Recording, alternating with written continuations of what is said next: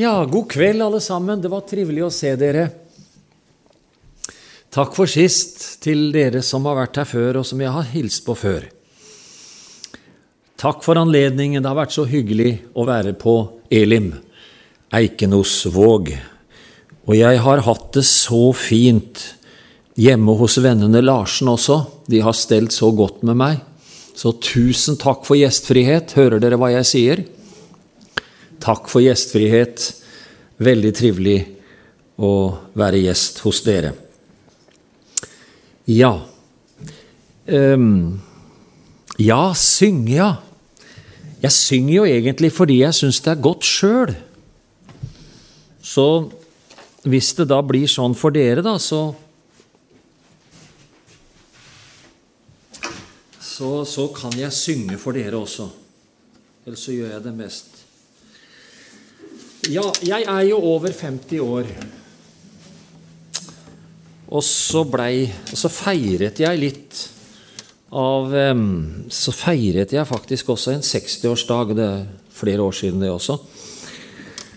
Og så kom jeg på en sang. Og den sangen ble skrevet opp i Telemark. Og den sangen den er like gammel som jeg.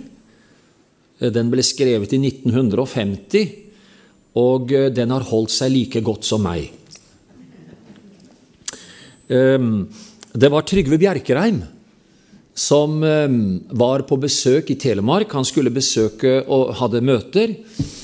Misjonær, eh, Sambandet, som dere vet. Så har han en, en, en, eh, en søster i En troende søster som han ville besøke.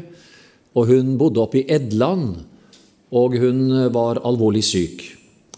Hun var ung, og eh, Trygve Bjerkreim tar bussen opp til Edland fra Kvitseid. Og når han kommer inn, så er, eh, så er eh, Signe der, som hun hette, og moren. Og de begynner å snakke sammen, prate sammen. Og eh, Signe, hun eh, sier til Trygve Bjerkreim, 'Å ja'. Han tek nå ikke glansen av livet, da, sa hun om Jesus i sitt vitnesbyrd. Og samtalen fortsetter, og de kom til å snakke om døden. Og, og så sier hun til ham, 'Å ja, han skal nok dra båten i land når den stunda kommer', og så videre. Mange av disse fine bildene og når Trygve Bjerkreim reiste derifra, så var han så imponert over dette bildespråket som hun brukte. Han går av bussen i eh, Brunkeberg og skal gå ned til Kviteseid, og så setter han seg i en av disse svingene der i, i Brunkebergkleivene, som det heter, og så skrev han ned en sang. Og den sangen den heter 'Han tek ikke glansen av livet'. En vakker sang. Og han fremførte den dagen etterpå. Eh, og det var urfremføringen da, i bedehuset i Nissedal. Når jeg var 60 år, så tenkte jeg den sangen den syns jeg er så fin. Men nå skriver jeg den litt om, og jeg tror ikke Trygve Bjerkreim ville ha sagt noe veldig imot det. For jeg gjorde det til et eget personlig vitnesbyrd. Og da lyder det så her Han tok ikke glansen av livet den frelsar som kalla på meg. Fyrst då fikk for alvor eg leva, når han fikk meg følja på veg. Eg høyrde dei dårane røyster, dei lova meg gullglim og glans. Men ingen la lys over vegen som Jesus og kjærleiken hans. Han hjalp meg i brattaste bakkar. Han støa når vegen vart smal. Han signa dei sollyse sletter og lyste i dødsskuggens dal. Han vil føre meg frelst over fjorden heilt fram til den himmelske strand. Og når døden sin brottsjø meg møter, vil Jesus dra båten i land. Han tok ikke glansen av livet, han gylla hver morgen og kveld. Og han åpnar ei dør til dei salar, der eveleg høgtidige hell.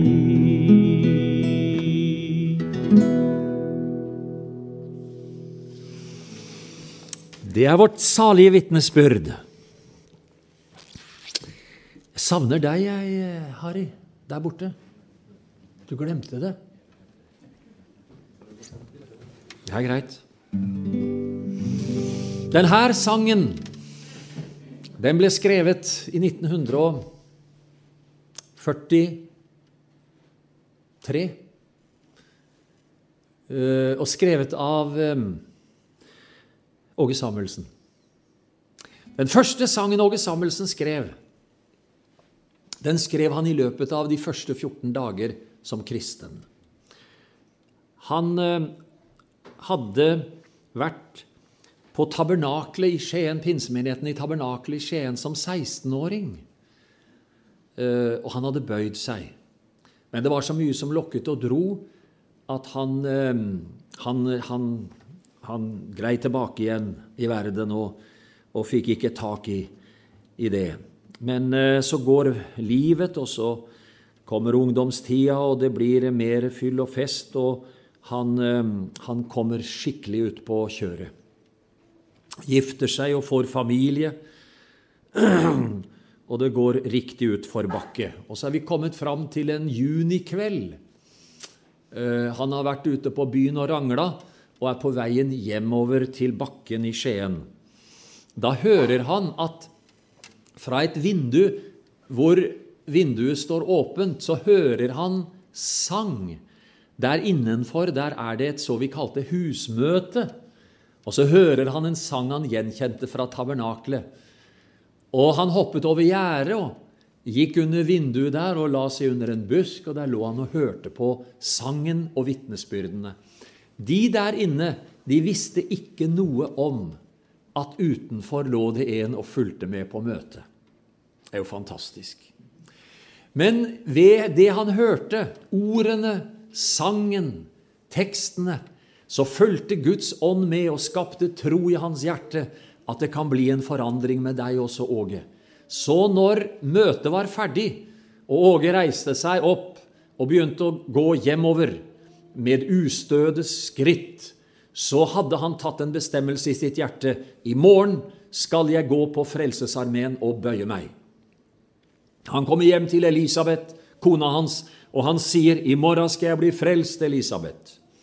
Hun svarer ikke, og det var det beste, kanskje, eh, for hun hadde ikke så mye tro på det.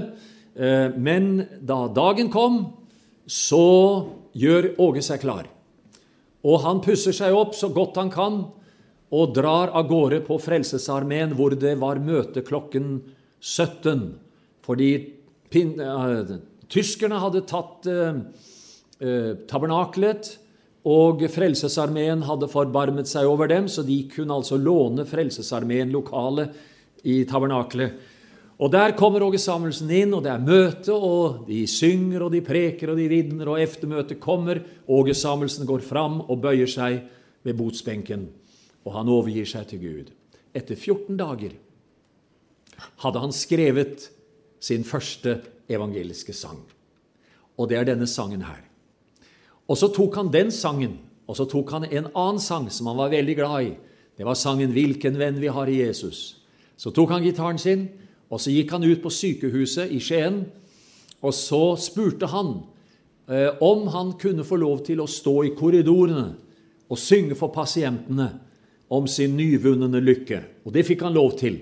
Og da fremførte han denne her sangen, som er slik. G-dur. I Egyptens mørke før jeg vandret, jeg av syndens lyst ble tynget ned. Ofte Jesus på mitt hjerte banket, tilbød meg sin frelses dype fred. Var jeg sorgbetynget da min Jesus talte så? Søkte evige liv, og du vil fred og glede få. Og i tro til ham jeg tok imot hans bud, og nå lever jeg for Gud. Nå kan hele verden si hva helst den vil. Jeg har fått Guds himmel her på jord. Det er aller best å høre Jesus til og få tro at han i hjertet bor. Tenk at jeg av nåde kunne komme som jeg var. Alle mine synder Jesus opp på korset bar. Og min gamle syndekledning tok han av, kastet dem i glemselens hav. Snart så skal den frelste skaren toge hjem for å se Hans herlighet så skjønn. Si meg, kjære venn, vil du bli en av dem som i skyen møte får Guds sønn? Skynd deg fra Egyptens mørke inn i lysets land. Gå til Jesus, han som alltid deg bevare kan. Da skal også du få se hvor skjønn han er. Ja, få se vår frelser kjær. Tenk at vi av nåde kunne komme som vi var. Alle våre synder Jesus opp på korset bar. Og vår gamle syndekledning tok han av, kastet dem i glemselens hav.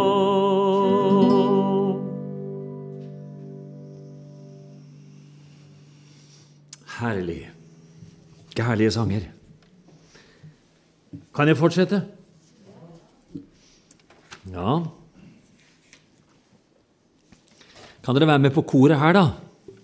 På G-dur.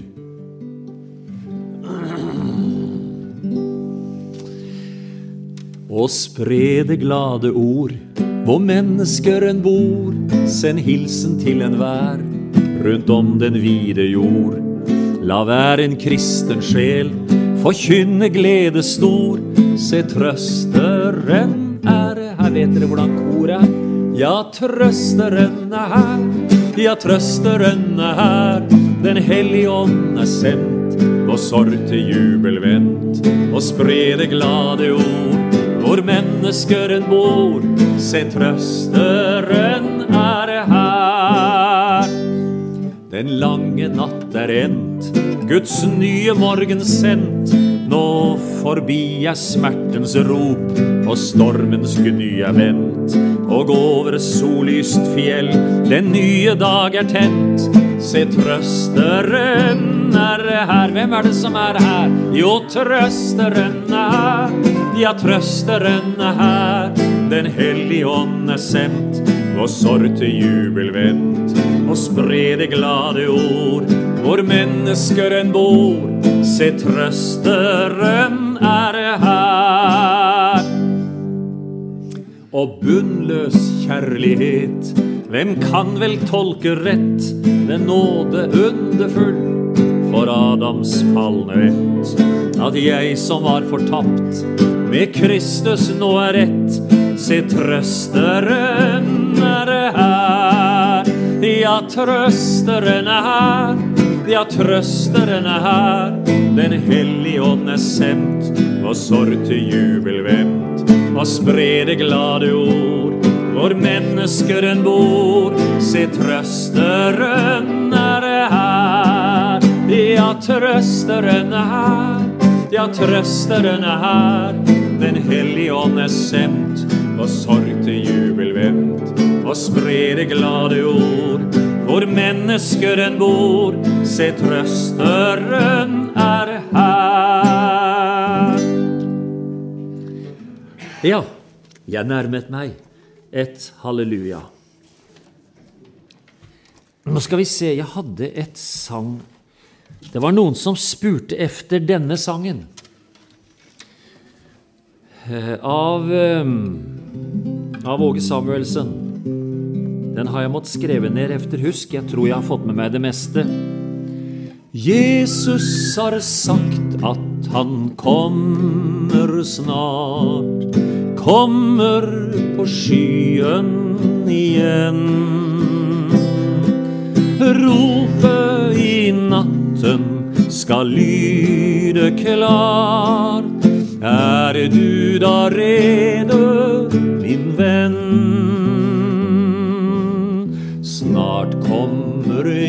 Jesus igjen. Snart kommer Jesus igjen. Salig er dem som er rede når Jesus kommer igjen. Mange vil slumre inn, sløvet av tiden de er. Olje de fattet og lampen sin, ser ei av tiden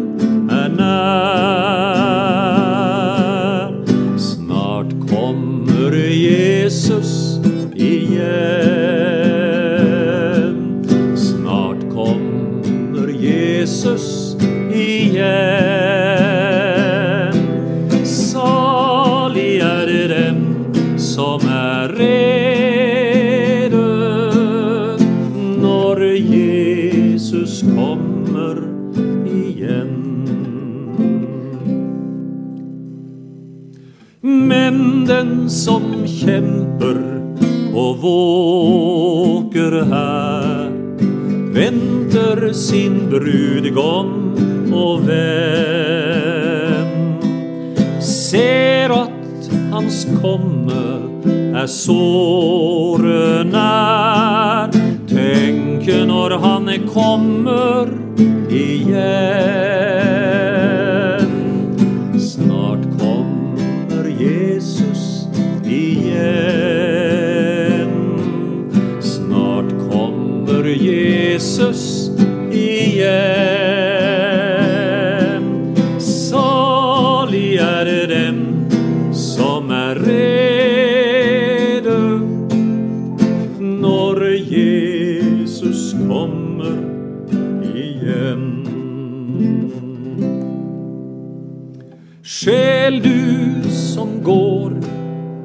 Brede vei, ser du ei hvor det bærer hen?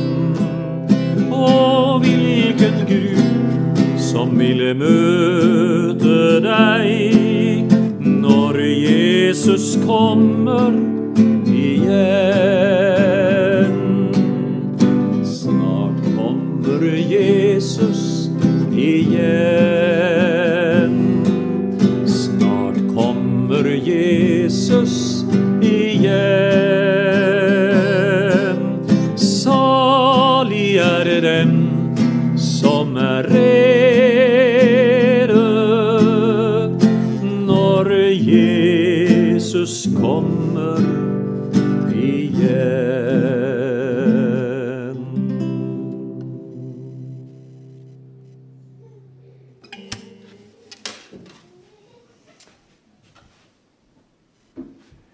skal du ha.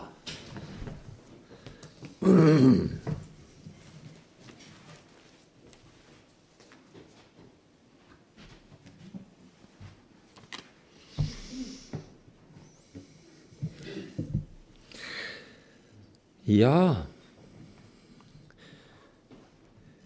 Min kone Berit tar meg i skole av og til. Og her er følgende hva hun sa. Hvorfor preker dere aldri om at Jesus kommer igjen? Så tenkte jeg nå skal jeg forsvare meg og si ja, men vi gjør vel det? Iallfall en gang i året eller sånn. Men hun holdt på sitt. Det er en lignelse som jeg har tenkt jeg skal lese for dere i kveld. Og den står i Matteus evangelium, kapittel 25. Så skal vi be om at Guds ånd skal gjøre ordet levende for våre hjerter. Takk, Hellige Ånd. Takk, Jesus Kristus, Far og Frelser, at du er nær hos oss. Tenk at himmelen er her. Beveg våre hjerter, Herre. Beveg våre hjerter til å tro til å elske deg og til å følge deg. Hellig oss i sannheten, for ditt ord er sannhet. Amen. Denne lignelsen som jeg skal lese, lyder slik, Matteus 25 fra vers 1. Da kan himmelriket sammenlignes med ti brudepiker som tok oljelampene sine og gikk ut for å møte brudgommen. Fem av dem var uforstandige, og fem var kloke. De uforstandige tok med seg lampene sine, men ikke olje. Men de kloke tok med seg kanner med olje sammen med lampene. Da det trakk ut før brudgommen kom, ble de alle trette og sovnet. Men ved midnatt lød et rop. Brudgommen kommer. Gå og møt ham. Da våknet alle brudepikene og gjorde lampen i stand. Men de uforstandige sa til de kloke, Gi oss litt av oljen deres, for lampene våre slokner.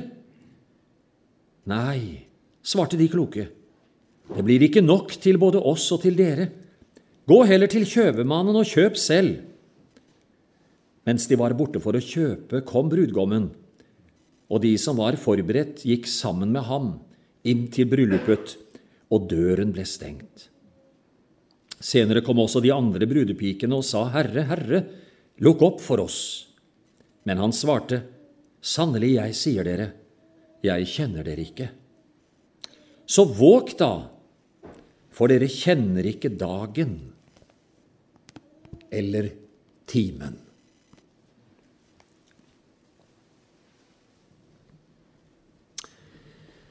Hva handler denne lignelsen om?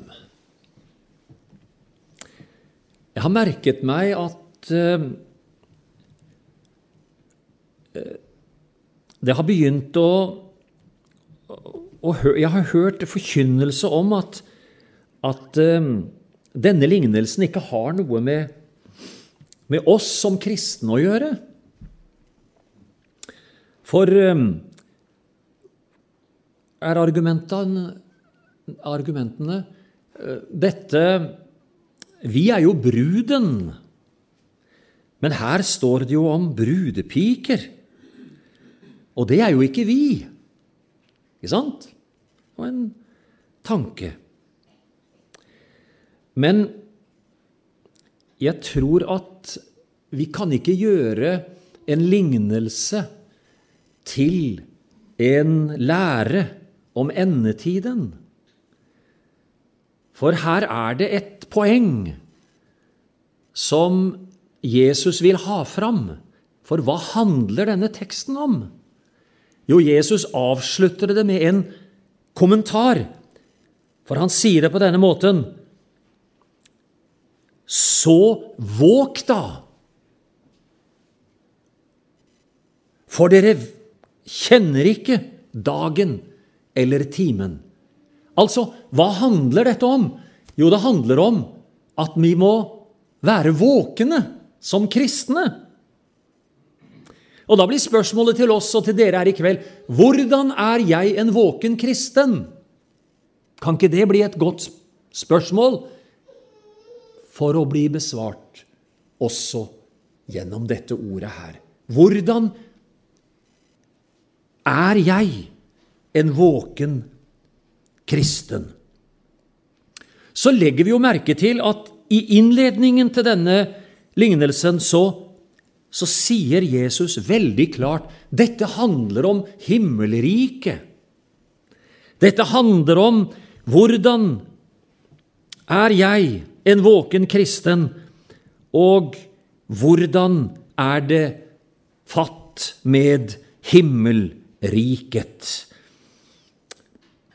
Og hvorfor er dette viktig for oss? Jo, for det første fordi Jesus har sagt det. Han har sagt at vi må være våkne. Ikke sant? Derfor er det viktig, fordi Jesus har sagt det. Og hvordan er det å være våken? Hva, hva betyr det å være en våken kristen? Det må vi spørre hverandre. Så legger jeg merke til også at Jesus begrunner det på en annen måte.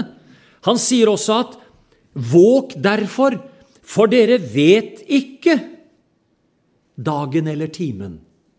Kjære brødre og søstre i troen, det er ikke alt vi vet. Du blir ikke fornærma av den grunn? Nei, Jesus sa det. Dere må våke fordi dere vet ikke dagen eller timen.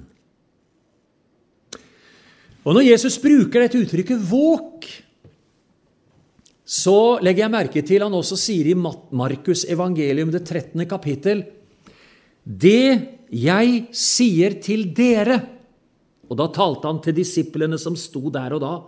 'Det sier jeg til alle.' Hørte du det? Da betyr det også oss som er troende i dag. Han taler til oss om at vi skal være våkne. Hva er motkreftene våre?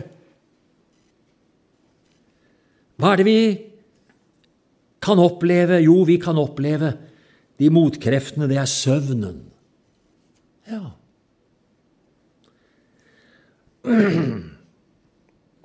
Og vi liker det eller ikke, så møter vi det alle sammen. Da er det to ting som er veldig viktig. For det første å vite om det, og for det andre å være i aktivitet.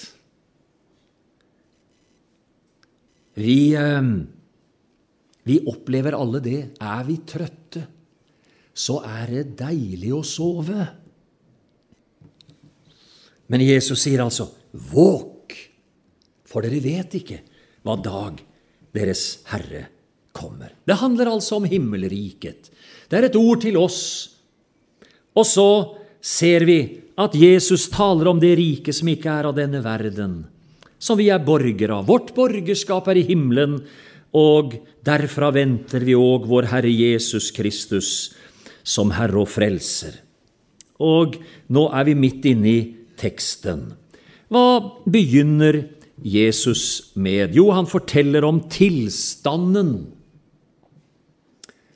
i Guds rike, eller i himlenes rike, for og blant Guds folk og i himmelriket når Han kommer igjen.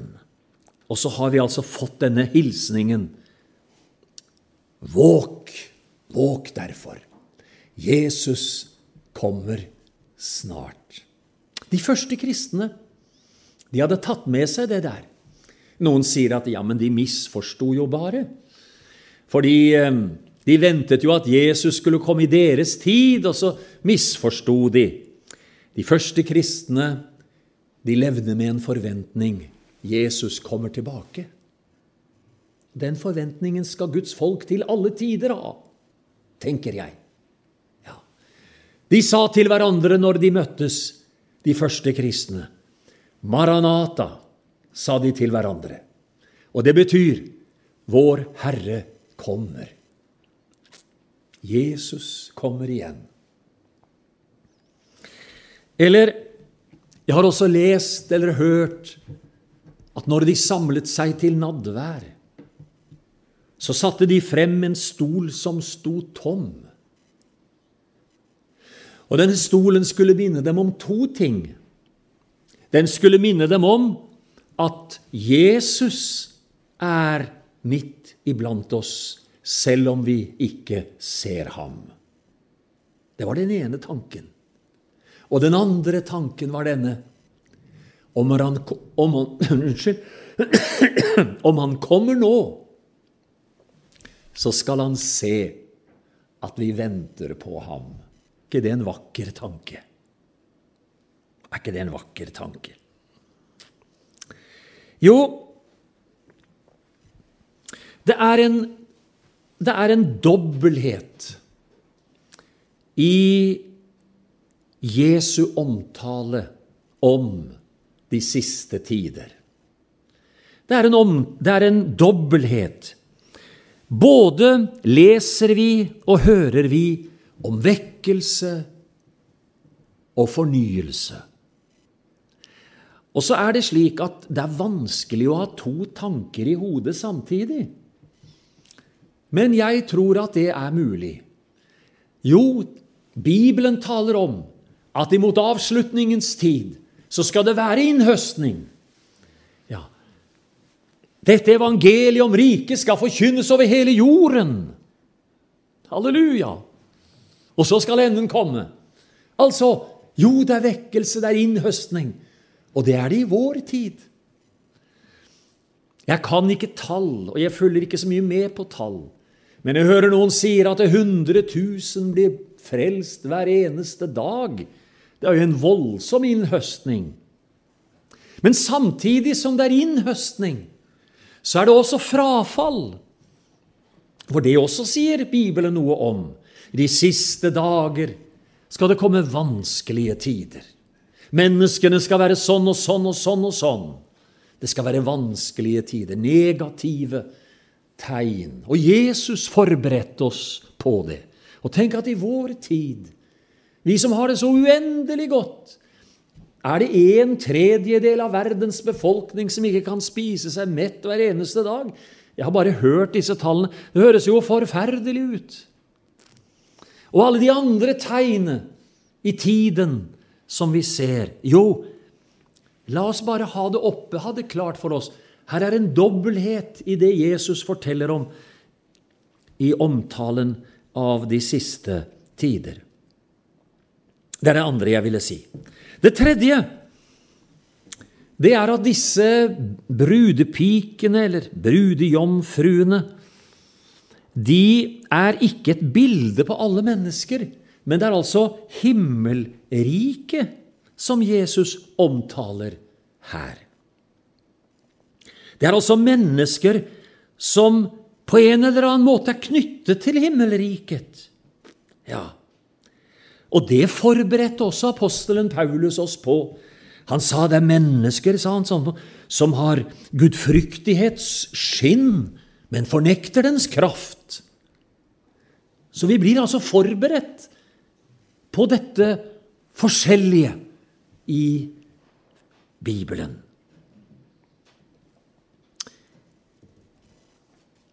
Fem av disse brudejomfruene var kloke Fem var uforstandige.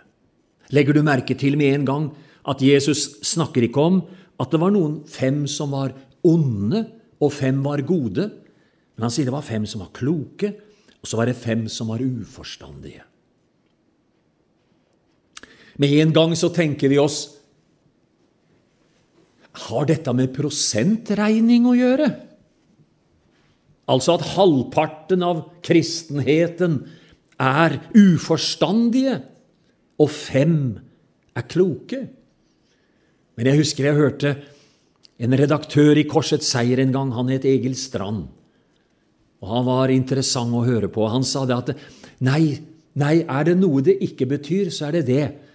Fordi hadde Jesus sagt at seks var kloke og fem, fire var dårlige, eller, eller sånn, men han brukte et likt antall for at vi ikke skal spekulere på det, skrev han. Og det syns jeg var klokt og forstandig. Ja, hva var det det avgjørende, da? Jo, det avgjørende, det var å ha lampe Unnskyld, ha olje på lampen. Lampen skulle lyse, og lampen lyste så fint hos alle en tid.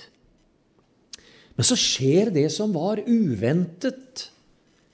Brudgommen gav seg tid. Og eh,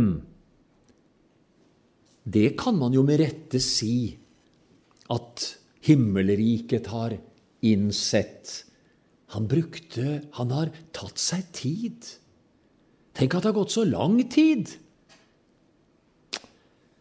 Og hva skjer da? De sovner alle, sier han. Og det underlige det er at ingen bebreides for at de sovner i denne lignelsen. Det må du tenke litt på. Ingen bebreides for at de sovner. Men så lyder altså midt på natten et rop. Brudgommen kommer. Brudgommen kommer. Gå ham i møte.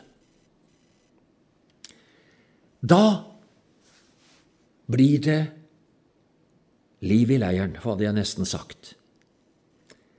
Og da var det altså fem som hadde det de skulle ha, lampene fulle av olje og olje på kannene. Og så blir selvfølgelig spørsmålet hva er, lam hva er oljen? Hva er oljen? Ja, sier du, oljen er jo i Bibelen et bilde på Den hellige ånd. Ja, det det har mye med Den hellige ånd å gjøre, det her. Det er jeg ganske sikker på. Og Bibelen bruker mange ord om det. Ta vare på den fagre skatt som er gitt deg. Den hellige ånd som bor i deg, skal hjelpe deg til det. Eller vi er et tempel for Den hellige ånd. Eller ingen kan si 'Jesus er Herre' uten i Den hellige ånd. Jo, det har mye med Ånden å gjøre. Ganske sikkert. Men det er likevel noe Jesus sier i vers 12, som jeg syns er som en nøkkel for meg personlig. Jesus sier i vers 12.: Men han svarte de dårlige. Altså, han svarte, Sannelig, jeg sier dere, jeg kjenner dere ikke. Midt Det ble så Jeg får si det sånn Det var som om det gikk et lys opp for meg når jeg leste det.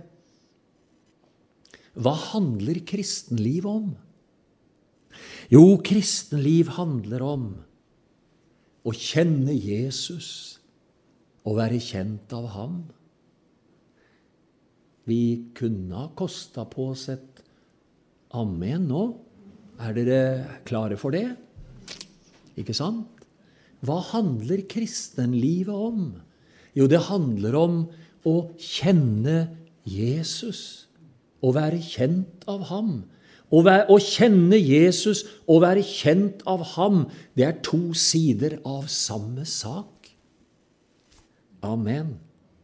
Halleluja. Når Jesus, når vi leser følgende Dette er det evige liv det er Johannes som sier det. Dette er det evige liv. At dere kjenner Ham, den eneste sanne Gud, og Ham som Han utsendte, Jesus Kristus. Kjenne. Kjenne Gud. Kjenne Jesus.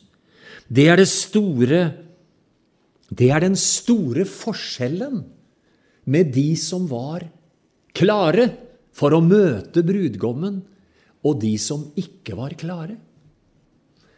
Og så kan du og jeg bare svare på det. Jo, takk og lov, jeg kjenner Jesus, og jeg er ved Guds nåde kjent av ham. Dette kjenner Jesus. Det går igjen, og dette er relasjonsbegreper. Forstår du? Når Jesus kommer til den samaritanske kvinnen ved Sykar eller Sikem, så sier Jesus til denne kvinnen, 'Kjente du Guds gave?' Og visste du hvem det er som sier til deg, 'Gi meg å drikke', da hadde du bedt ham, og han hadde gitt deg levende vann. Jo, å kjenne Jesus, å være kjent av ham, det er den store forskjellen, og det er den store saligheten for deg og for meg. Når Jesus forteller lignelsene, så gjør han akkurat det samme. Han snakker om det å kjenne. Mine får hører min røst, og de følger ham. Ikke sant? Eller han kaller sine får med navn. Ja, det handler om å kjenne Jesus og være kjent av ham. Kjenner du deg glad nå? At du kjenner Jesus og er kjent av ham? Halleluja. Min rettferdighet innenfor Gud er en person, og det er Jesus Kristus. Han er en soning for våre synder, dog ikke bare for våres, men for hele verdens. Kjenne Jesus. Takk og lov. Jeg så Billy Graham. Han hadde laget et bibelkurs for de som kom til troen på kampanjene hans. Og bibelkurset det heter Kjenn Kristus.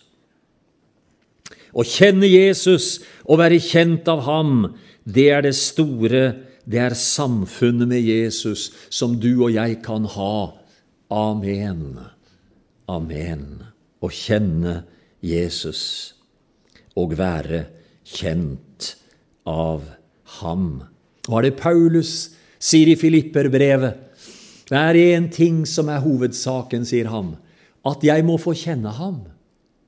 Han lengtet etter et mer inderlig fellesskap med Jesus, at jeg får kjenne ham, kraften av hans oppstandelse og samfunnet med hans lidelse. Det store for deg og for meg, det er at vi kjenner Jesus. Amen.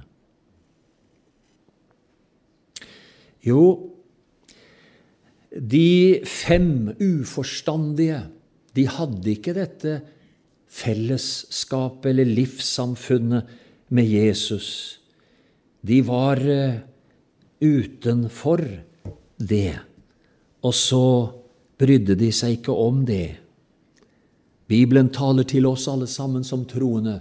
Bevar ditt hjerte fremfor alt som bevares, for livet utgår fra det. Og hjerteforholdet til Jesus, det kan du og jeg kontrollere nå i kveld. Amen. Bevar ditt hjerte. Bevar ditt hjerte fremfor alt som bevares, for livet utgår fra det. Det er alvorlig å se i denne lignelsen at de fem dårlige brudepikene de synes ikke selv å være klar over hvor galt det sto til. At det var noe grunnleggende galt i deres forhold. De levde i et selvbedrag. De levde i en selvrettferdighet eller en sjølgodhet som gjorde at de kontrollerte ikke seg selv engang i sitt gudsforhold. Husker du hva vi skal gjøre når vi skal feire nadvær? Apostelen Paulus sier til oss enhver av oss prøve seg selv. Altså Det er ikke det at det, skal være en kontrollør som står og, og plukker ut de som skal få nadvær, men enhver prøver seg selv. Ja. Og så sier han ikke 'og så må dere enten spise eller la være'.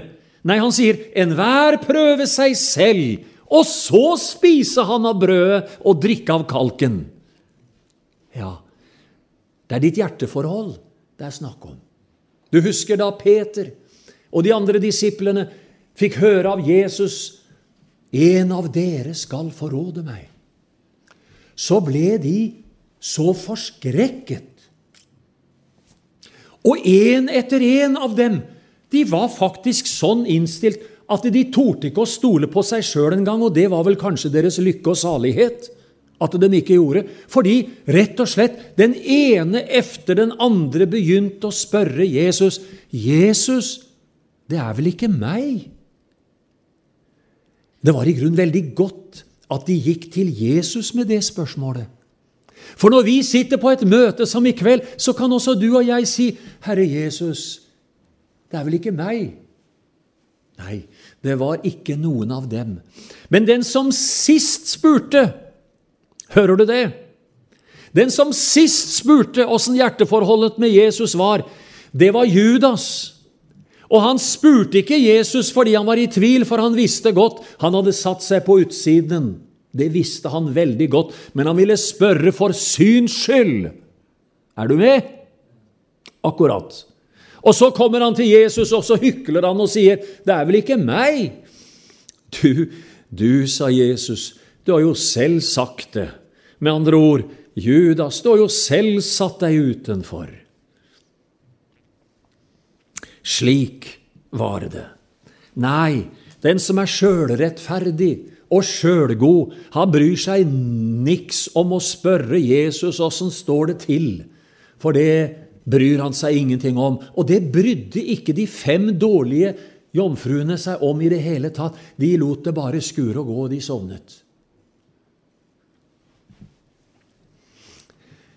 De andre de får jo spørsmålet av de andre, eh, av de dårlige eh, Dere må gi oss av, av deres olje, for våre lamper slokner.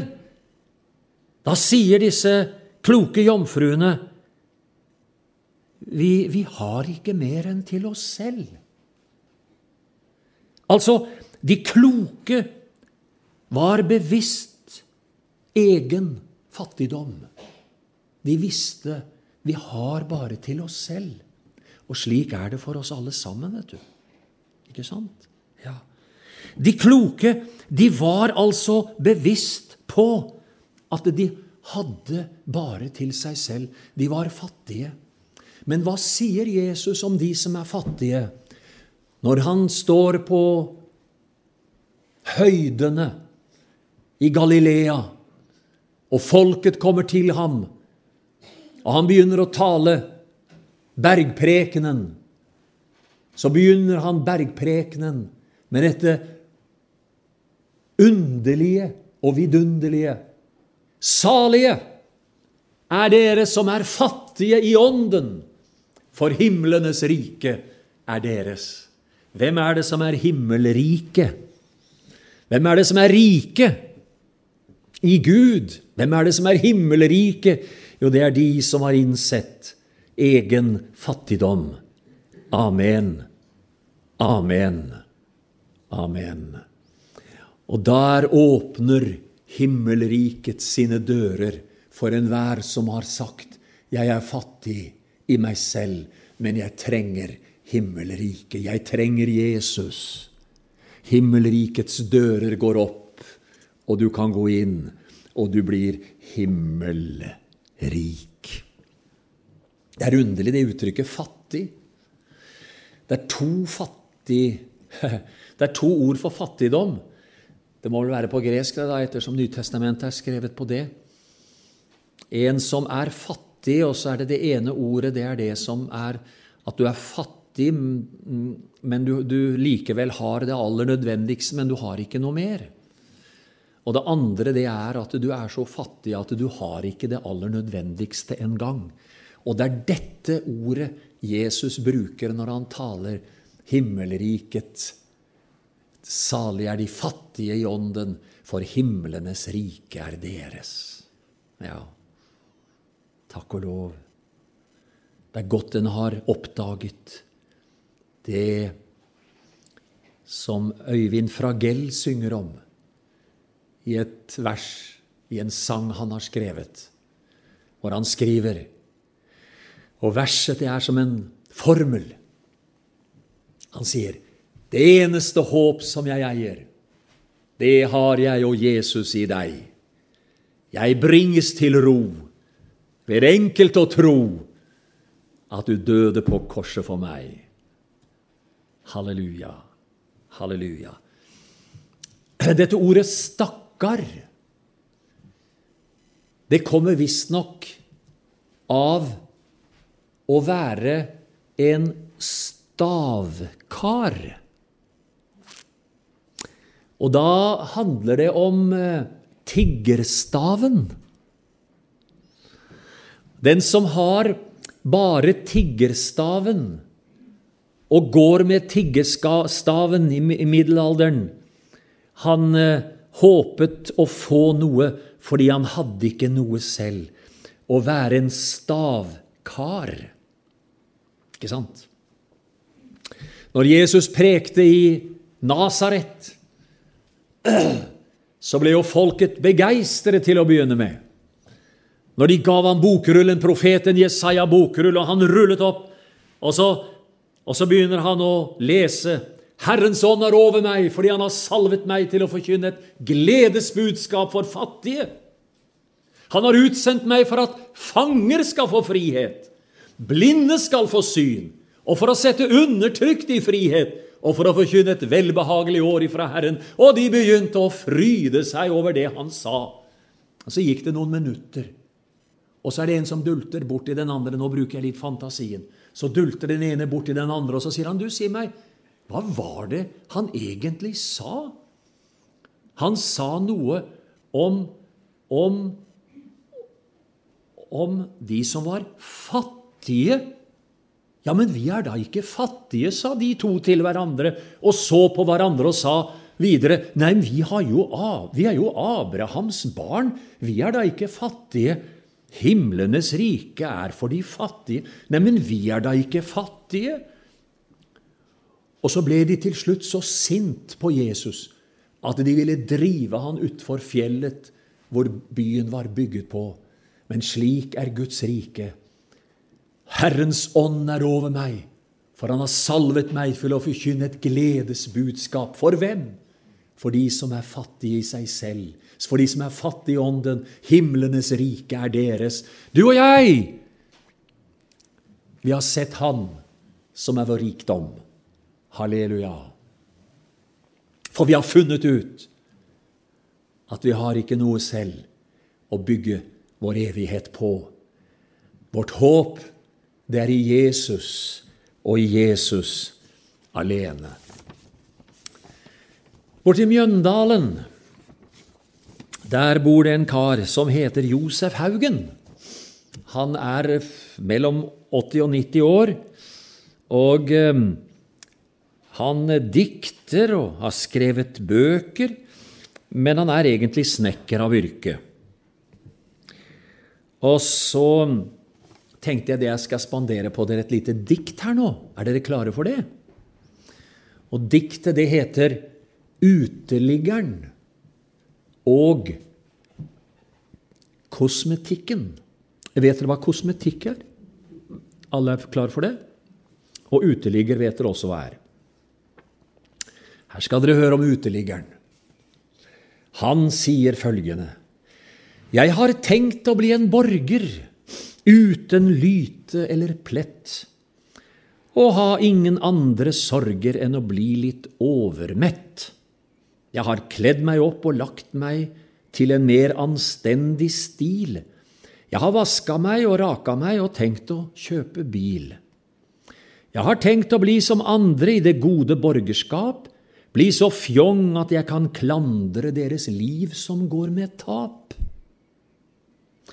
Jeg har tenkt å vandre verdig på Vår Herres gode vei, bli av Ham erklært rettferdig når jeg har forbedret meg. Jeg har bedt de beste bønner, knelt i øst og knelt i vest, og jeg har, som alle skjønner, sagt farvel til fyll og fest. Jeg har angret all min brøde, mottatt nadvær, brød og vin, jeg har slitt meg mest til døde for å få fasaden fin. Men jeg orker ikke mere. Jeg er trøtt av dette nå, for jeg finner stadig flere feil som jeg må rette på.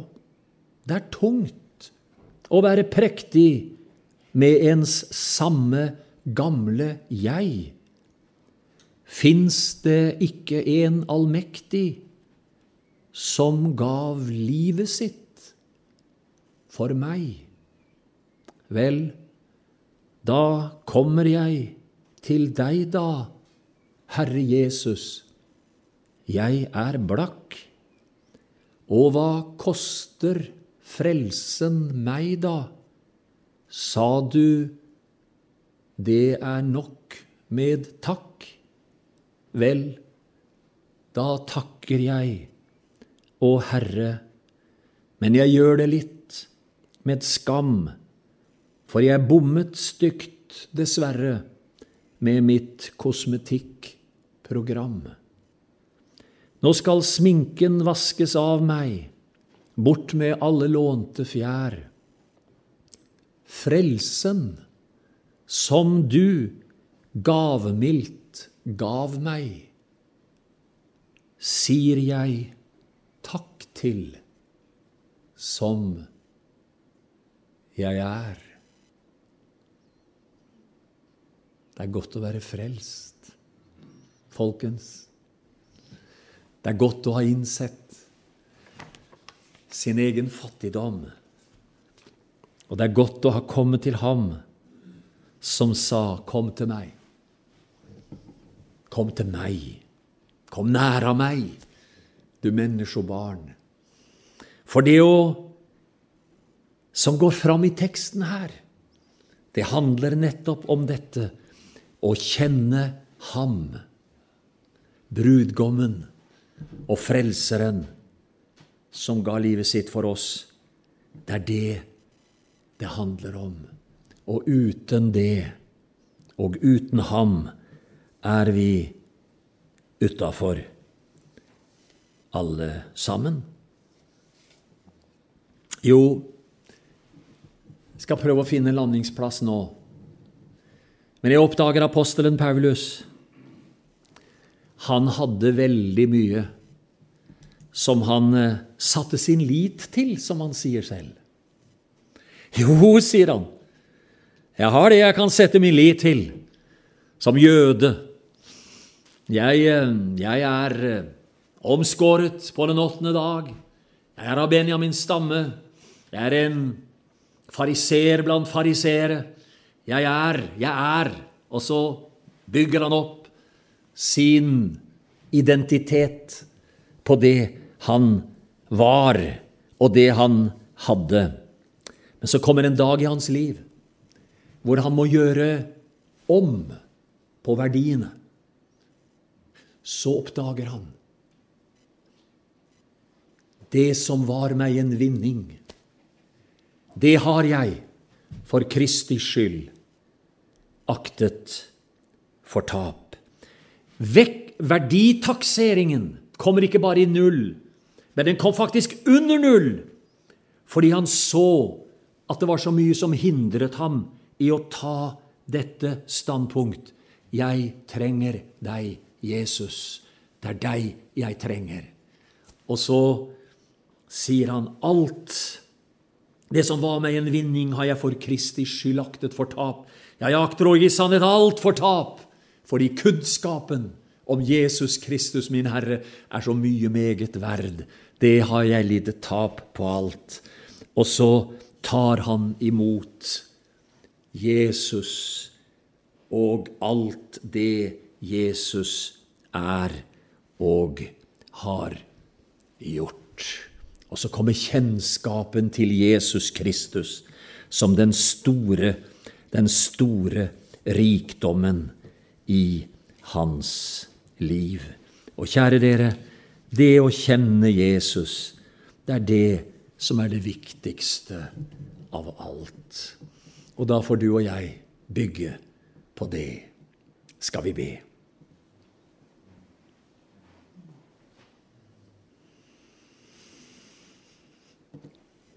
Jeg takker deg, Jesus. Jeg takker deg, Jesus. Jeg takker deg, Jesus, av hele vårt, mitt hjerte. Og sammen er vi her, og vi takker deg. For vi har lært deg å kjenne.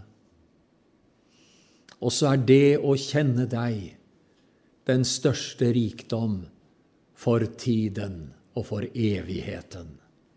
Og det er en rikdom midt i tiden.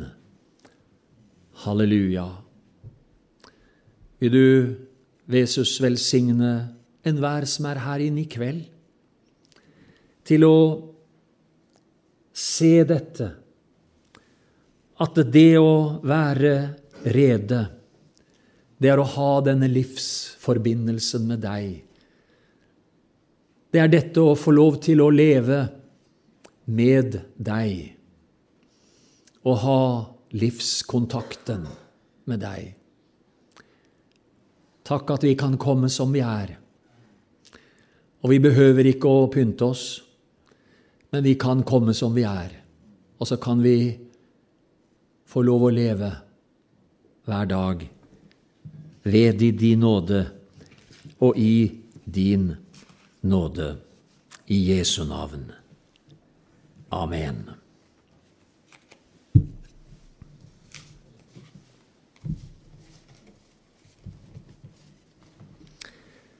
Amen.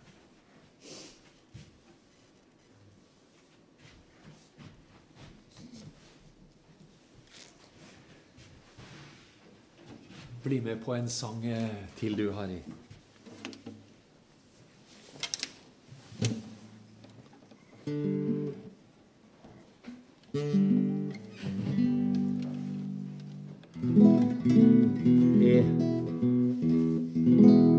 Jeg har møtt Jesus Krist, mannen fra Galileen.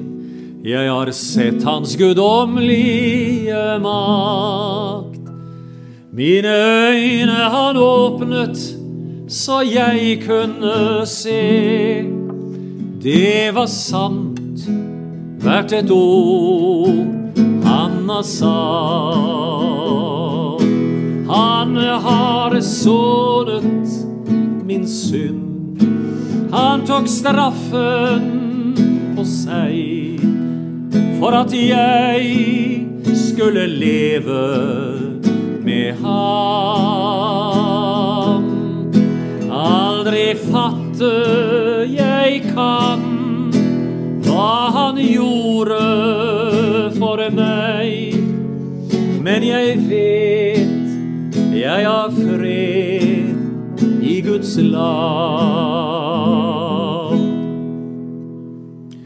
Jeg har sett han på vandring fra sted og til sted.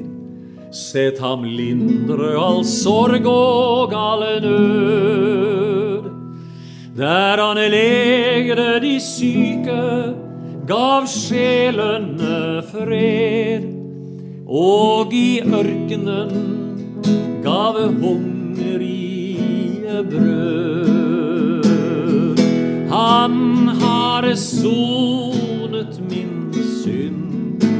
Han tok straffen på seg for at jeg skulle leve med ham.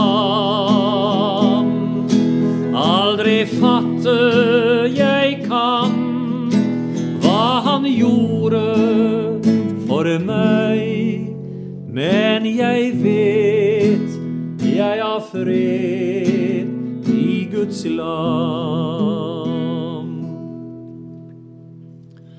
Som en røver de spikret han opp på et tre, men i døden han seier vant.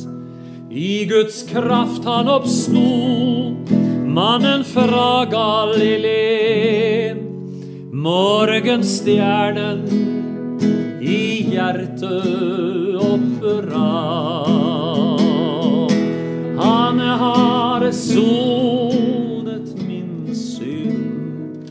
Han tok straffen på seg for at jeg skulle leve med ham. Aldri fatte jeg kan hva han gjorde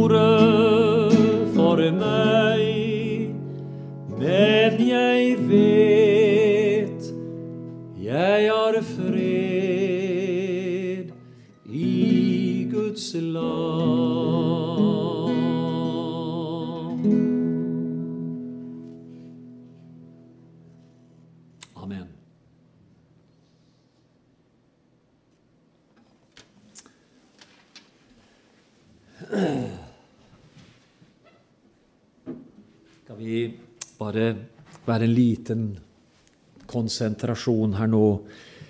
Og det er noen som ønsker at vi skal ta deg med i forbønn, så, så sier jeg alltid det sånn. Nå sitter vi her, og du kan løfte din hånd, og så, så tar vi deg med i bønn. Gud velsigne deg. Gud velsigne deg. Herre Jesus, jeg takker deg. Om det er noen som i kveld, i forhold til ditt ord, og det Ånden har minnet dem om, kjenner at uh, her er det noe i mitt liv som jeg gjerne vil, jeg vil, uh, vil rydde opp i. Jeg vil gjerne prøve meg selv, teste meg selv. Og så ser du alt. Og så takker jeg deg, Jesus, for troen fører oss inn for ditt åsyn. Og så velsigner du den enkelte.